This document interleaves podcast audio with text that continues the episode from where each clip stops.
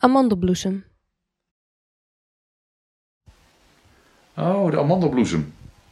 Ik denk dat dit schilderij erg plezierig is voor het hedendaagse publiek. Het is het meest abstracte werk. En heel simpel en mooi. Van kleur en zo. Heel neutraal. Ja, ik vraag me af of er ooit een horizon in het schilderij zat. Die hij toen met het blauw heeft overgeschilderd. Of dat het vanaf het begin al zo gestilleerd was. Gebaseerd op die Japanse prins die hij had. Ja, het lijkt zo net alsof hij op zijn rug onder de boom ligt. Ja, ik zou wel zo'n succesvol schilderij willen maken. Portret van Marcelo Roulin. Vorige zomer heb ik de baby van mijn neef geschilderd. Ja, die was nog dikker dan deze. En dat is niet zo gemakkelijk. eh. Ja, als ik die baby echt zo dik geschilderd had, zoals hij er werkelijk uitziet, dan denk ik niet dat ze daar zo blij mee geweest waren. Ja, uiteindelijk heb ik daarom hem geschilderd alsof hij in een vliegtuigje zat. Nou, zo was het grootste deel van het dikke lijfje niet te zien. Zijn benen waren het dikste. Ja, het, is, nou, het is trouwens wel een eh, vrolijke baby. Ja, deze ziet er toch een beetje raar uit. Het vreemde aan het gezicht is dat het lijkt op het gezicht van een volwassen vrouw. Ja, met je lippenstift en wenkbrauwen en die sieraden. Ja, in de, in de renaissance deden ze dat ook. Dan schilderen eh, ze baby's als jonge volwassenen. Omdat schilderijen duur waren en omdat kinderen vaak jong stierven. En dan konden de schilderijen nog even mee. Ja, misschien had deze baby gewoon wel die sieraden. Nou, gelukkig hoefde Van Gogh zich niet druk te maken over hoe hij de baby er dunner uit kon laten zien. Zeegezicht bij La Sainte-Marie de la Mer.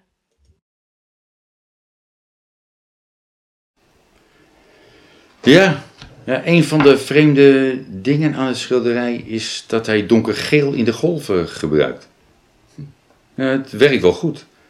Door zijn contrast met het blauw en ja, zie je daar aan de boven, boven zijn naam? Daar heeft hij een paletmes gebruikt om de vorm van de binnenkant van de golf uit te schrapen. Ja, je, kan zelfs het canvas eronder nog zien. Echt netjes is het niet geschilderd. Die dikke verfklont hier vooraan.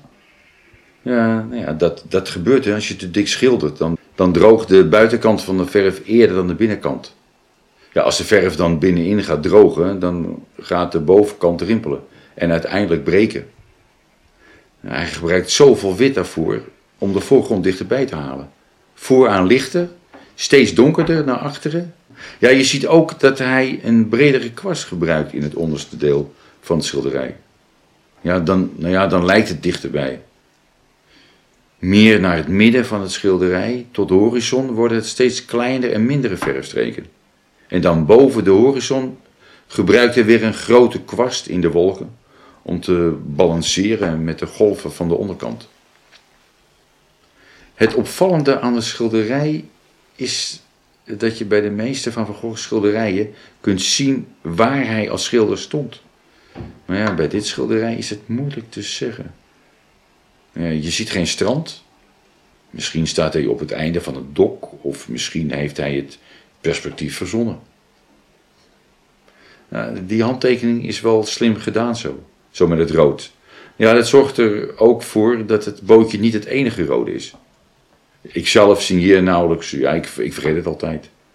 Als de koper erom vraagt, dan zet ik altijd wel mijn naam en een jaartal op de achterkant met, uh, met stift. Maar Van Gogh heeft het verder ook nog nooit zo groot meer gedaan, geloof ik. Een op zijn rug liggende krab. Ah, een krab. Wat gewoontjes, hè? Hij, hij schildert echt alles. Ja, volgens mij wilde hij ook iedere dag schilderen. En ging hij gewoon zoeken naar dingen om te schilderen. Een landschap, zijn postbode, zijn schoenen. Volgens mij schilderde hij vooral wat voorhanden was en wat hij interessant vond. Ja, dat geeft toch wel een heleboel vrijheid. Ik denk dat de meeste hedendaagse schilders toch wat langer denken en schetsen in Photoshop voordat ze gaan schilderen. Ja, en dan is het idee dat er achter het werk zit toch belangrijker. Ik zelf denk vaak eerst over een thema waar ik op wil reageren. Ja, dan neem ik de foto's die ik bewerk in Photoshop en pas als dat naar mijn zin is, schilder ik. Ja, dat is meer premodern, net als Rembrandt, die ook eerst uh, veel schetste. Voor Van Gogh is deze krap uh, gewoon iets dat het waard is om geschilderd te worden. De beslissingen die hij tijdens het schilderen maakt, zijn dan ook erg eenvoudig. Ja, zijn krap is rood. Ja, dan is het slim om groen als achtergrond te nemen. Zo het rood het beste naar voren komt. Ja, bij het groen is het ook niet duidelijk of het de ondergrond is waar de krap op ligt of alleen een achtergrondkleur om het schilder op te vullen. Ja, het is trouwens geschilderd met groen. Dat is een transparante verf. Ja, dat kun je links onderin uh, goed zien. Daar liggen alle verfstreken over elkaar heen. En als je die verf mengt met gewoon wit bijvoorbeeld, dan wordt de verf dekkend en dan krijg je wat je rechtsbovenin ziet. Ja, ik vind het hele onhandige verf, omdat je het altijd moet mengen.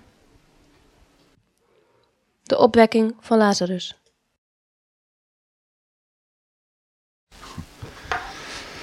God, nou dit moet ik nou even op me in laten werken hoor. Hm. Ja. ja, dit schilderij is wel een goed voorbeeld van hoe slecht moderne kunst is in het verbeelden van een verhaal. Nou kijk, als je het vergelijkt met Rembrandt bijvoorbeeld. Hè? Kijk, bij Rembrandt is het verhaal het belangrijkst. En is het schilderij de drager van het verhaal als het ware. Maar hier? Ja, hier is het onderwerp hoe het geschilderd is. Als Van Gogh echt de opwekking van Lazarus wilde beschrijven, dan, ja, ja, dan zou hij niet de lucht helemaal geel geschilderd hebben. En niet het ding uit Lazarus hoofd laten komen. Ja, en zou hij die vrouw aan de rechterkant en, ja, en ook die in het midden niet zo vreemd geschilderd hebben. Ja, zo is er wel meer te noemen. Dat paars bijvoorbeeld, daar links. Ja, dat gebruikte hij om te contrasteren met het geel. Ja, niet omdat die rots paars was. Ik denk dat Van Gogh beter niet verhalende dingen kan schilderen, zoals bloemen of, uh, of zeegezichten. Ja, en als je wit aan bijna alle kleuren toevoegt, zoals hij doet in dit schilderij, bij het geel en het blauw, ja, maakt het, uh, maakt het alles hetzelfde. Het brengt alles naar voren.